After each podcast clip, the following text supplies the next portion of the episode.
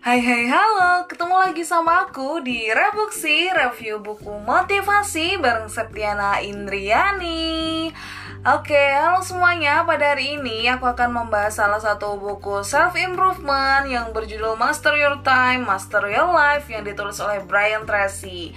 Nah, buku ini sudah aku bahas di minggu lalu atau episode waktu hari Rabu kemarin. Namun tentunya yang dibahas beda. Kalau kemarin aku membahas mengenai waktu perencanaan strategis dan penetapan tujuan, untuk hari ini aku akan menjelaskan atau membahas mengenai salah satu jenis waktu yang lain, yaitu waktu produktif untuk menyelesaikan lebih banyak. Nah, tentunya hari ini lebih menarik ya karena biasanya orang itu sering bertanya untuk bagaimana sih caranya agar aku itu tetap produktif setiap harinya, bagaimana sih caranya agar tugas-tugasku itu bisa selesai setiap harinya dan uh, semuanya itu berjalan dengan lancar. Nah, kita bahas di sini hari ini ya untuk membahas mengenai waktu produktif dan membagi waktu yang benar itu seperti apa gitu menurut buku dari Master Your Time, Master Your Life ini. Oke, langsung saja kalau gitu. Yuk kita bahas mengenai waktu produktif untuk menyelesaikan lebih banyak.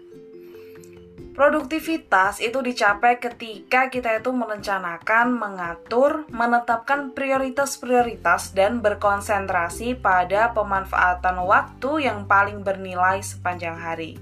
Di dalam buku ini dijelaskan bahwa terdapat tiga hal penting tentang produktivitas, yaitu yang pertama adalah tentang kejelasan, yang kedua adalah tentang fokus, dan yang ketiga adalah tentang konsentrasi.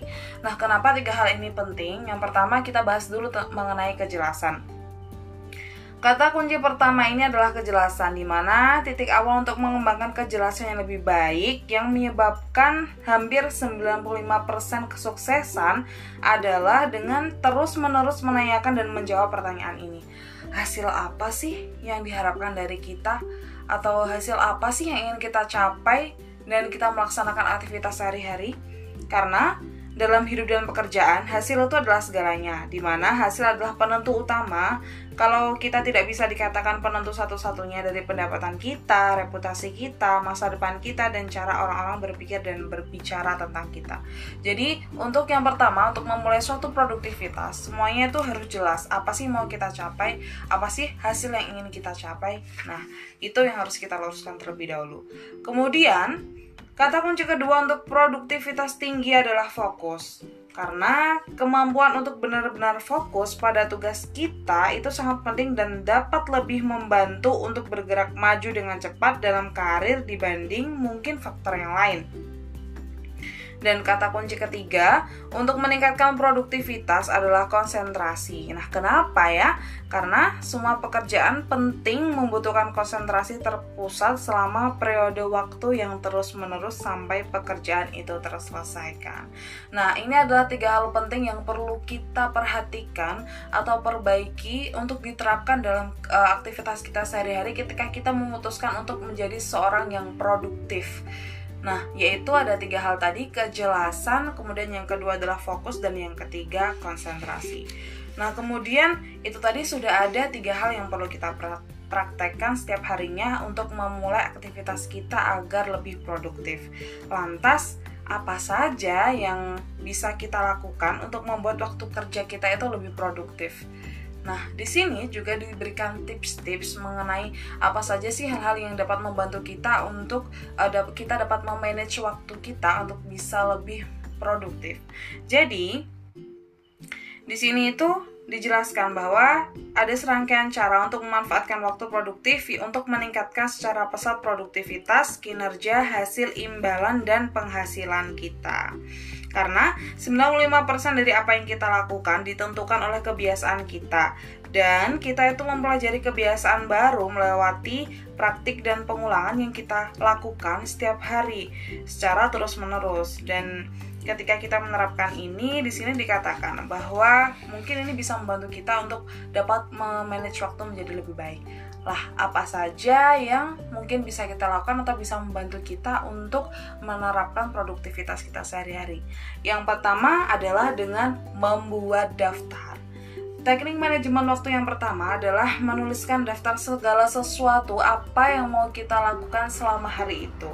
Karena ketika kita menuliskan hal-hal dalam satu daftar, kita dapat melihat dengan jelas apa yang lebih penting dan apa yang kurang penting.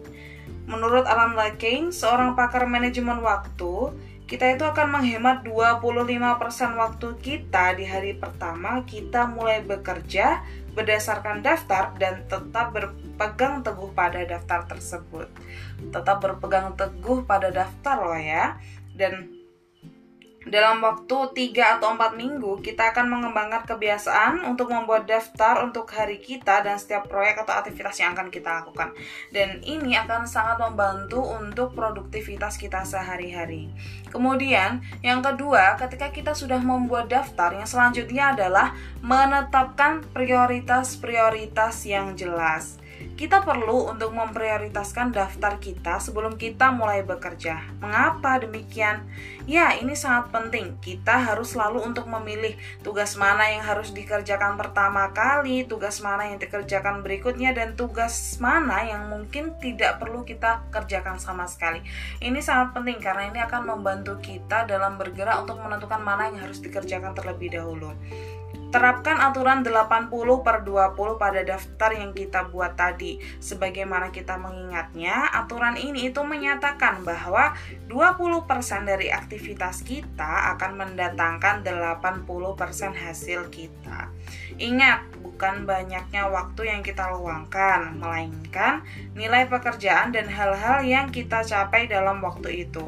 Tugas kita adalah berfokus pada pencapaian ketimbang aktivitas. Kita perlu untuk mengalokasikan waktu yang kita miliki yang didasarkan pada nilai tugas dan kerjakan terlebih dahulu yang paling penting. Nah, kemudian untuk selanjutnya, metode selanjutnya yang bisa kita terapkan adalah metode ABCDE. Kita dapat memperhatikan metode ABCDE sebelum kita memulai hari kerja kita. Tadi yang pertama adalah membuat daftar, yang kedua menentukan prioritas, yang ketiga adalah metode ABCDE. Apa sih itu? Jadi metode ABCDE ini kita perlu menuliskan di sebelah setiap tugas setiap tugas dalam daftar yang telah kita buat tadi. Aktivitas A di sini adalah sesuatu yang wajib kita kerjakan, di mana apabila kita tidak mengerjakannya, ada potensi konsekuensi yang serius untuk kita terima. Karena ini adalah sesuatu yang paling penting kita perlu memilih itu. Itu apabila aktivitasnya A apabila salah satu dari daftar kita tadi termasuk aktivitas A maka kita uh, bisa menuliskannya di samping tugas itu seperti itu. Ketika kita tidak menyelesaikan tugas A ini kita menerima konsekuensi yang berat kemudian untuk B atau aktivitas B adalah aktivitas-aktivitas yang harus kerjakan, namun aktivitas yang punya potensi konsekuensi ringan jika kita melakukan ataupun tidak melakukannya. Dan kita harus memulai tugas-tugas ini secepatnya, tapi tugas-tugas yang B ini tidak sepenting tugas A. Aturannya untuk tugas B ini adalah kita perlu menyelesaikan tugas A terlebih dahulu, baru menyelesaikan tugas B. Jadi intinya A itu yang paling penting, B itu di bawahnya A seperti itu. Untuk tugas C adalah tugas yang terasa menyenangkan untuk dilakukan, tapi sama sekali tidak punya konsekuensi. Misalnya, memeriksa email, menelepon, kemudian minum kopi bersama teman atau rekan kerja, dan semua aktivitas yang menyenangkan.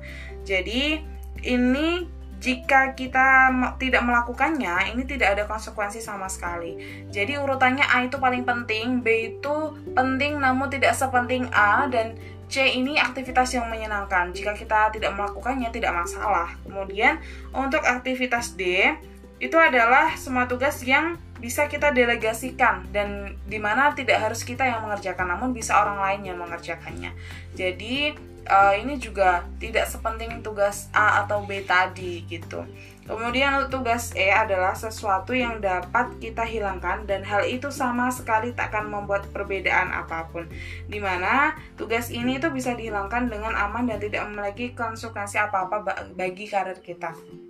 Jadi, metode ABCDE ini akan membantu untuk kita melaksanakan tugas tugas kita secara lebih spesifik di mana yang pertama tadi kita sudah menentukan daftar, yang kedua menentukan prioritas. Nah, dari daftar dan prioritas yang kita tentukan tadi, tadi kita juga dibantu dengan metode ABCDE di mana kita bisa menentukan prioritas dengan menentukan yang paling penting terlebih dahulu dengan memasukkan kode A, kemudian memasukkan yang aktivitas yang B di mana uh, ini penting namun tidak sepenting yang A, kemudian aktivitas C, aktivitas yang menyenangkan, aktivitas D maupun aktivitas E.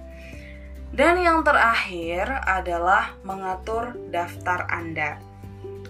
Sekarang, setelah kita membuat daftar, setelah kita menentukan prioritas, kemudian menggunakan metode ABCDE, selanjutnya adalah kita perlu kembali periksa daftar yang telah kita buat dan atur tugas-tugas menurut prioritas dengan menuliskan misalnya nih tugas A itu tidak hanya satu tugas tapi mungkin tugas yang wajib kita lakukan itu ada beberapa. Kita bisa menuliskan A1, A2, A3 dan seterusnya.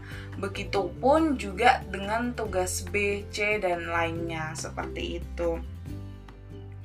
Nah Selanjutnya, ketika kita sudah mengatur daftar tugas kita, yang perlu kita lakukan adalah membulatkan tekad untuk berkonsentrasi penuh pada satu tugas itu sampai selesai 100%. Tekun mengerjakan tanpa teralihkan atau terganggu perhatiannya dari apa pun itu.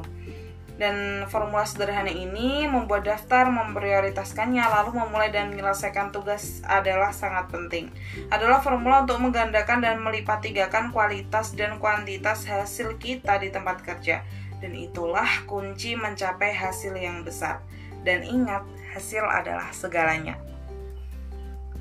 Dia yang setiap pagi merencanakan kegiatan hari itu dan melaksanakan rencana itu, membawa seutas benang yang akan memandunya melewati labirin kehidupan yang paling sibuk. Victor Hugo. Terima kasih semuanya. Sekian untuk episode ketiga Rebuksi dan nantikan episode selanjutnya di hari Rabu di mana aku akan melanjutkan untuk membahas jenis waktu yang berbeda menurut Brian Tracy pada buku beliau yaitu Master Your Time, Master Your Life. Dan jangan lupa untuk follow dan selalu dengarkan podcast Rebuksi di Spotify maupun platform podcast lainnya dan semoga bermanfaat dan terima kasih.